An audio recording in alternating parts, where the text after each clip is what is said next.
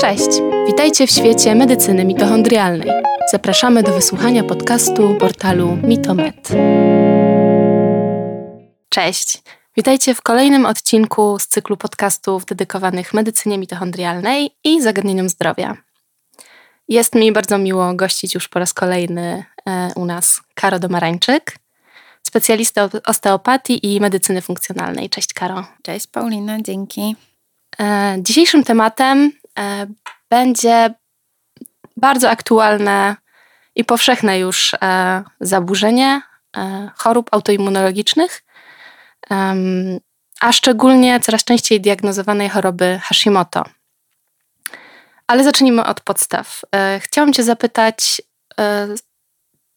czym są dokładnie choroby autoimmunologiczne, skąd się biorą, jak to się stało, że są teraz tak powszechne?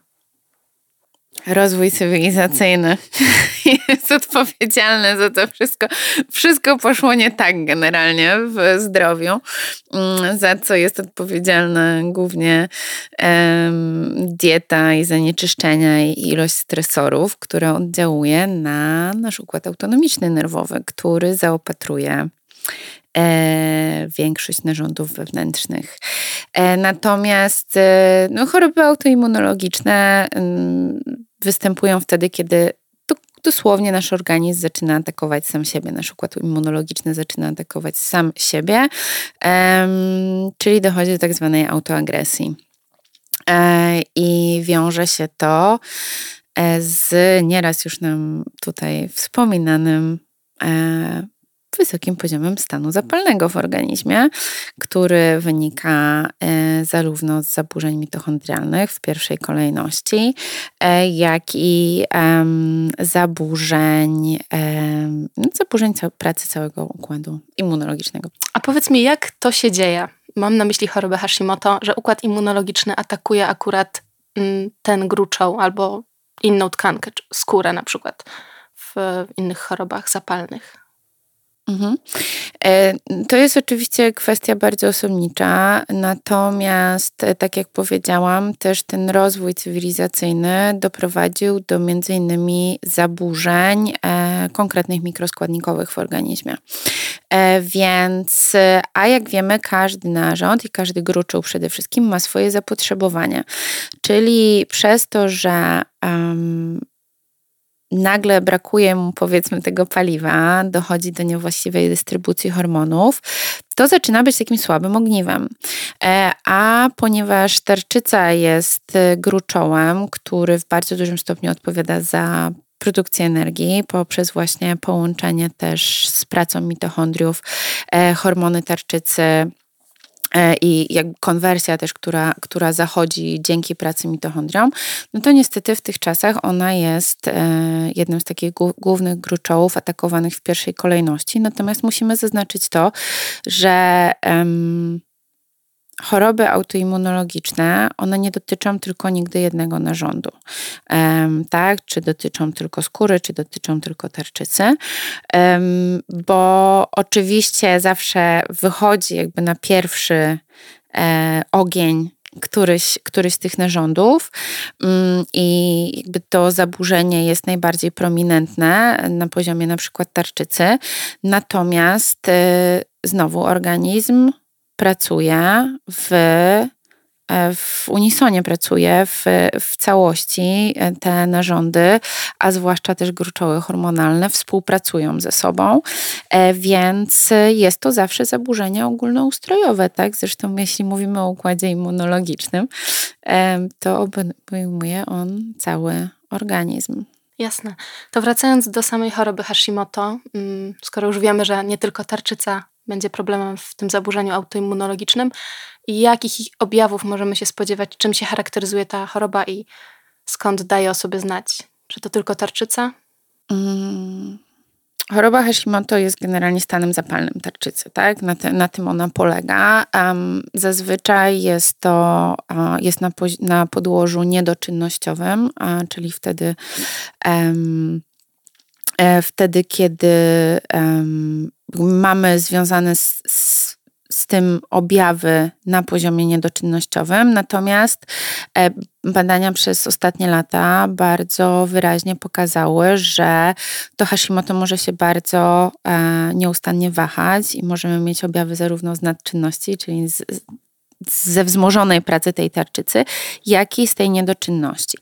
Um, oczywiście to też zależy od terapii, która jest stosowana i tak dalej, e, ale ten stan, stan zapalny e, zostaje. Jeśli mamy rzeczywiście ten stan zapalny na poziomie niedoczynnościowym, raz, że oczywiście mamy konkretny obraz kliniczny pod kątem, um, pod kątem wyglądu też tarczycy, tak, czyli dochodzi często do um, raz zmniejszenia jej obietności, dochodzi często do jakichś dodatkowych objawów w postaci guzów na tarczycy, czyli często też ten objaw stanu zapalnego my możemy w badaniach obrazowych uzyskać, dlatego tak ważne jest oprócz oczywiście um, tego screenu i obserwacji badań krwi i sprawdzania hormonów tarczycy, e, ważne są też badania obrazowe, e, bo organizm reaguje różnie. Nie, często mamy i mówimy o tym szeroko w tym podcaście, różne e, czerwone lampki ze strony organizmu, które już świadczą o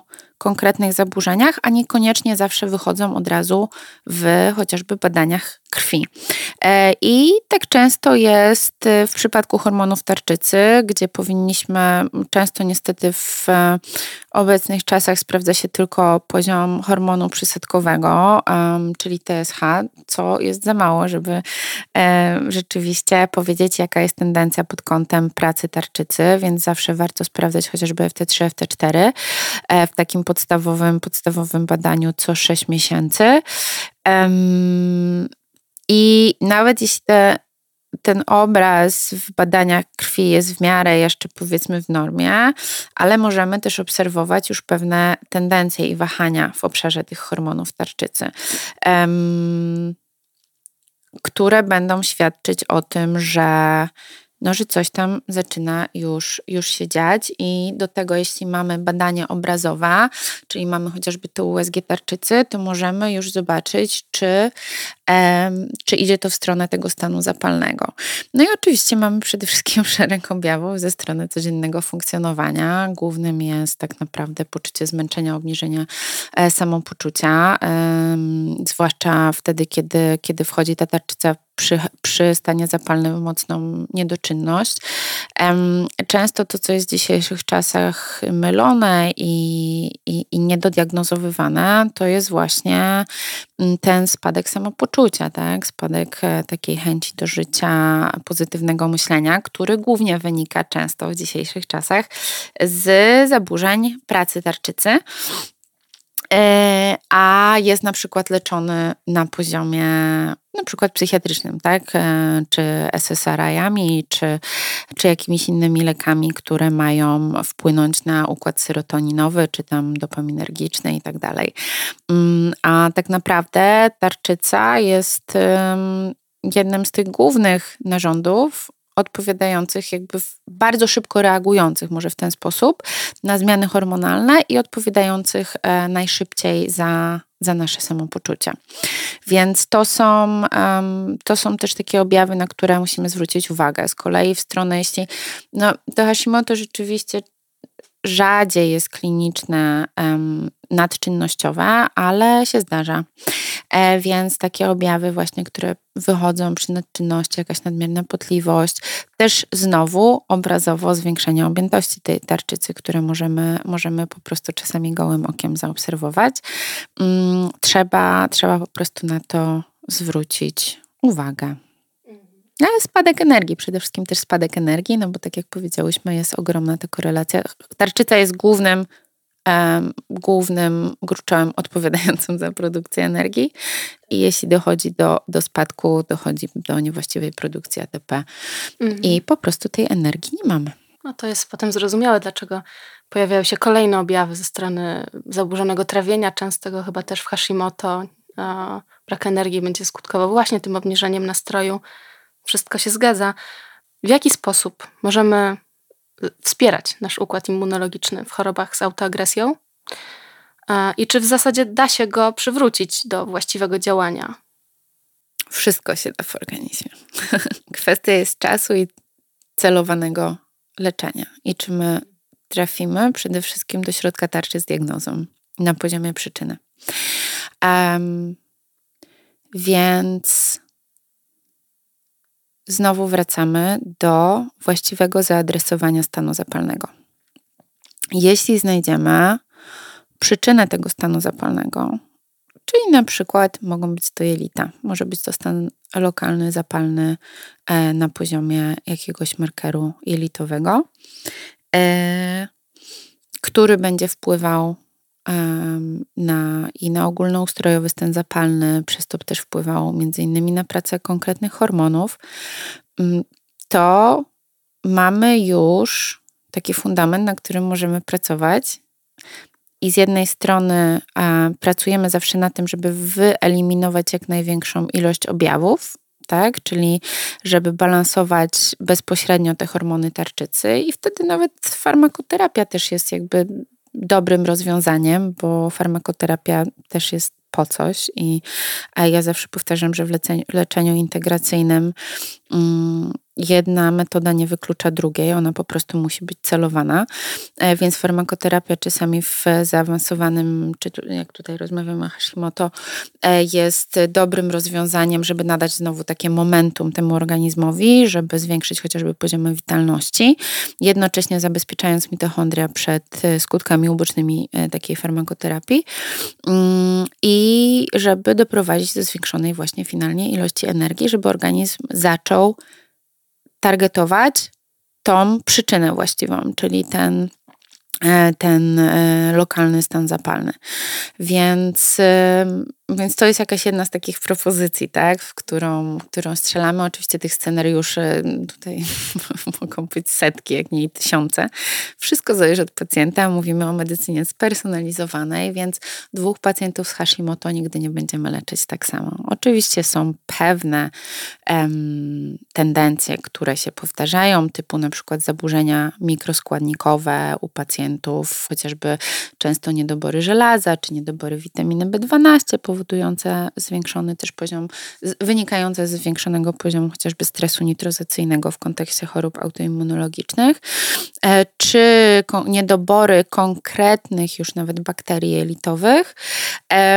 Natomiast to są pewne tendencje, a wszystko musimy w zależności od pacjenta doprecyzować.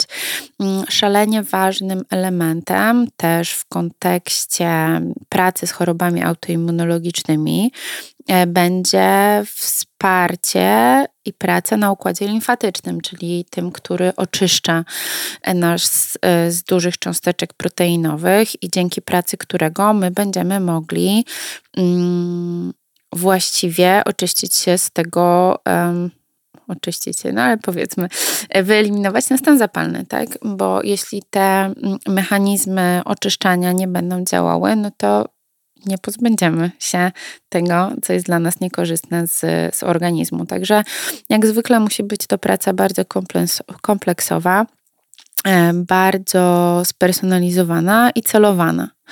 Tak, kiedy zaczęłaś mówić o oczyszczaniu, mi przyszedł do głowy kolejny element, e, a mianowicie diet eliminacyjnych e, i w ogóle aspektu diety, który w Hashimoto jest chyba ostatnio dosyć rozbudowany ze względu na chociażby współistniejące alergie, nietolerancje.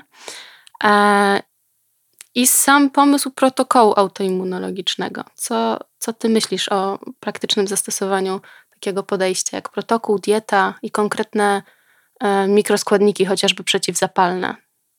Znowu mówimy o medycynie integracyjnej, czyli musimy wziąć pod uwagę wszystkie czynniki, które będą wpływać na przyczynę danego zaburzenia, danej choroby. E, czyli to, co powiedzieliśmy przed chwilą w kontekście farmakoterapii, czy w kontekście terapii mikroskładnikowej, nie będzie, nie rozwiąże całej sytuacji. Więc oczywiście E, zarówno aktywność fizyczna, jak i dieta są szalenie, szalenie ważne. W leczeniu wszystkich chorób. Nie ma choroby, w której nie są istotne. E, w przypadku chorób autoimmunologicznych są szalenie istotne właśnie pod kątem triggerowania tego stanu zapalnego, który też daje e, no, pacjentom po prostu przykre i trudne objawy na co dzień. E, więc diety eliminacyjne są przede wszystkim dietami leczniczymi. Tak? My traktujemy je tak samo jak farmakoterapię. One mają być celowane w przyczynę na podstawie tego, co jest potrzebne na poziomie biochemicznym pacjentowi. Mają być dostosowane na dany okres czasu e, i mają za zadanie doprowadzić właśnie do konkretnych procesów biochemicznych, często wyeliminować, też, też jakby właśnie, bo zaczęłaś o tym mówić w kontekście oczyszczania, więc właśnie pomóc organizmowi oczyścić się e, z, z, tych, z tych triggerów prozapalnych. I, i znowu, tak jak powiedziałam, one muszą być celowane, także to nie jest tak, że każdemu pacjentowi z Hashimoto my dobierzemy taką samą dietę eliminacyjną, która, nie wiem, będzie tam beznabiałowa, bezglutenowa, cokolwiek, e, bo jeden pacjent z Hashimoto będzie miał e, zaburzenia, załóżmy ze strony układu jelitowego i mikrobioty, które będą wskazywały na mm, na przykład nadwrażliwość na histaminę. E, a drugi pacjent e, będzie miał, dla drugiego będzie właśnie triggerem jakiś tam dany, dany produkt prozapalny, jak chociażby na przykład gluten, tak? E, więc, więc musimy to zindywidualizować. Ja nie chcę trochę się zagłębiać w temat alergii i nietolerancji, bo bo tak naprawdę to są w ogóle tematy, które się zaczynają od jelit. E, I my trochę mówimy, że ani jedna, ani drugie nie istnieją, bo po prostu one są tylko wynikiem zaburzenia bakterii jelitowych. Ważne jest to, żeby odróżnić, że nietolerancje pokarmowe, alergia to są, i mamy jeszcze nadwrażliwości pokarmowe, to są trzy tak naprawdę um, pojęcia, terminy. One występują na innym podłożu. Alergie przede wszystkim występują już właśnie na podłożu immunologicznym. E, nietolerancje pokarmowe, one nie są na podłożu immunologicznym i um, dotyczy to tak samo diagnostyki, czyli sprawdzania na poziomie IgG i tak dalej gdzie faktycznie, gdzie, gdzie występuje ten trigger um, prozapalny i tego, czy właśnie występuje alergia, czy nietolerancja, e, czy, czy finalnie nadwraż czy, czy, czy nadwrażliwość pokarmowa. Natomiast y, po prostu też wiemy i, i z badań, ale też na podstawie historii pacjenta, jakie potencjalnie produkty mogą go triggerować. I pamiętajmy, że też dieta eliminacyjna, ze względu na to, że jest dietą leczniczą, może nie ze względu na to, tylko z jednej strony jest dietą leczniczą, ale też one są dietami e, wspomagającymi nas w diagnostyce. Więc to nie jest tak, że każda dieta eliminacyjna od razu będzie w 100% lecznicza, bo możemy z nią po prostu nie trafić, kolokwialnie mówiąc, tak? Czyli e, często na przykład um, dieta low FODMAP jest taką dietą, którą, którą stosujemy chociażby w przypadku właśnie zaburzeń, zaburzeń jelitowych, zaburzeń na poziomie e, ilościowym, bakteryjnym w jelitach, e, co ma wpływ właśnie na ten stan zapalny, chociażby na poziomie tarczycy często. Um, i ona niekoniecznie zawsze jest pomocna w przypadku wielu pacjentów, bo no może się okazać, że tak naprawdę to zaburzenie, zaburzenie e, triggeru mm, ze strony jedzenia, ono jest na innym poziomie, jak chociażby właśnie na poziomie wspomnianym histaminowym i tak dalej. To są jakieś takie po prostu najczęstsze przykłady, e, które, które się pojawiają. E, plus to, co powiedziałam, pamiętajmy, że to nigdy nie jest samodzielna dysfunkcja danego narządu czy, czy pojedyncze, pojedynczego hormonu, tak? Czyli e, mówimy właśnie o tak zwanych triadach mm, autoimmunologicznych. E, pamiętajmy, że ta tarczyca współpracuje zarówno z gruczołami płciowymi czy, czy z nadnerczami, więc też musimy zaadresować zawsze te gruczoły, te narządy. E, i to, co będzie wpływało na produkcję hormonów z ich strony, czyli na przykład ze strony hormonów płciowych musimy sprawdzić też ich poziomy i zaadresować to, co będzie na nie wpływało, czyli na przykład właśnie jakaś tam dodatkowa hormonalna terapia zastępcza, czy była na przykład stosowana w przyszłości przez pacjentkę, czy, czy, czy jakieś zaburzenia biomechaniczne, które były przez lata, tak? E, czy ze strony właśnie jakichś, nie wiem, polipów, mięśniaków w obszarze e, układu płciowego, co wpłynęło na funkcję na przykład jajników e, i tak dalej, i tak dalej. Ja tak rzucam tymi przykładami, bo, bo ich jest strasznie dużo, ale żeby po prostu rzucić pewne hasła, żeby zrozumieć, że to nie jest tak, że to Hashimoto będzie się brało tylko z, z, z poziomu tarczycy. Mm, znowu omawiana przez nas w poprzednim podcaście gospodarka glukozowo-insulinowa, która ogromne ma znaczenie dla też e, właśnie stanu mitochondriów, przez to e, dla, na stan e, hormonów tarczycy, tej konwersji też pomiędzy nimi. Tak. Zgadza się. To, jak organizm jest e, skomplikowanym tworem i jak wszystko jest w nim połączone, e, no tylko dowodzi temu, że powinniśmy podchodzić jednak e, wielopłaszczyznowo, zarówno do diagnozowania, e, jak i szukania przyczyny i finalnie postępowania terapeutycznego. Także nie kierujmy się e, głównymi hasłami, które gdzieś zasłyszymy, tylko mm, wgłębiajmy się w to, szukajmy przyczyny pod nadzorem specjalistów. Dziękuję Ci bardzo za rozmowę i za wyjaśnienie nam tych wielu e, ważnych pojęć. I do usłyszenia kolejnym razem. Dzięki bardzo.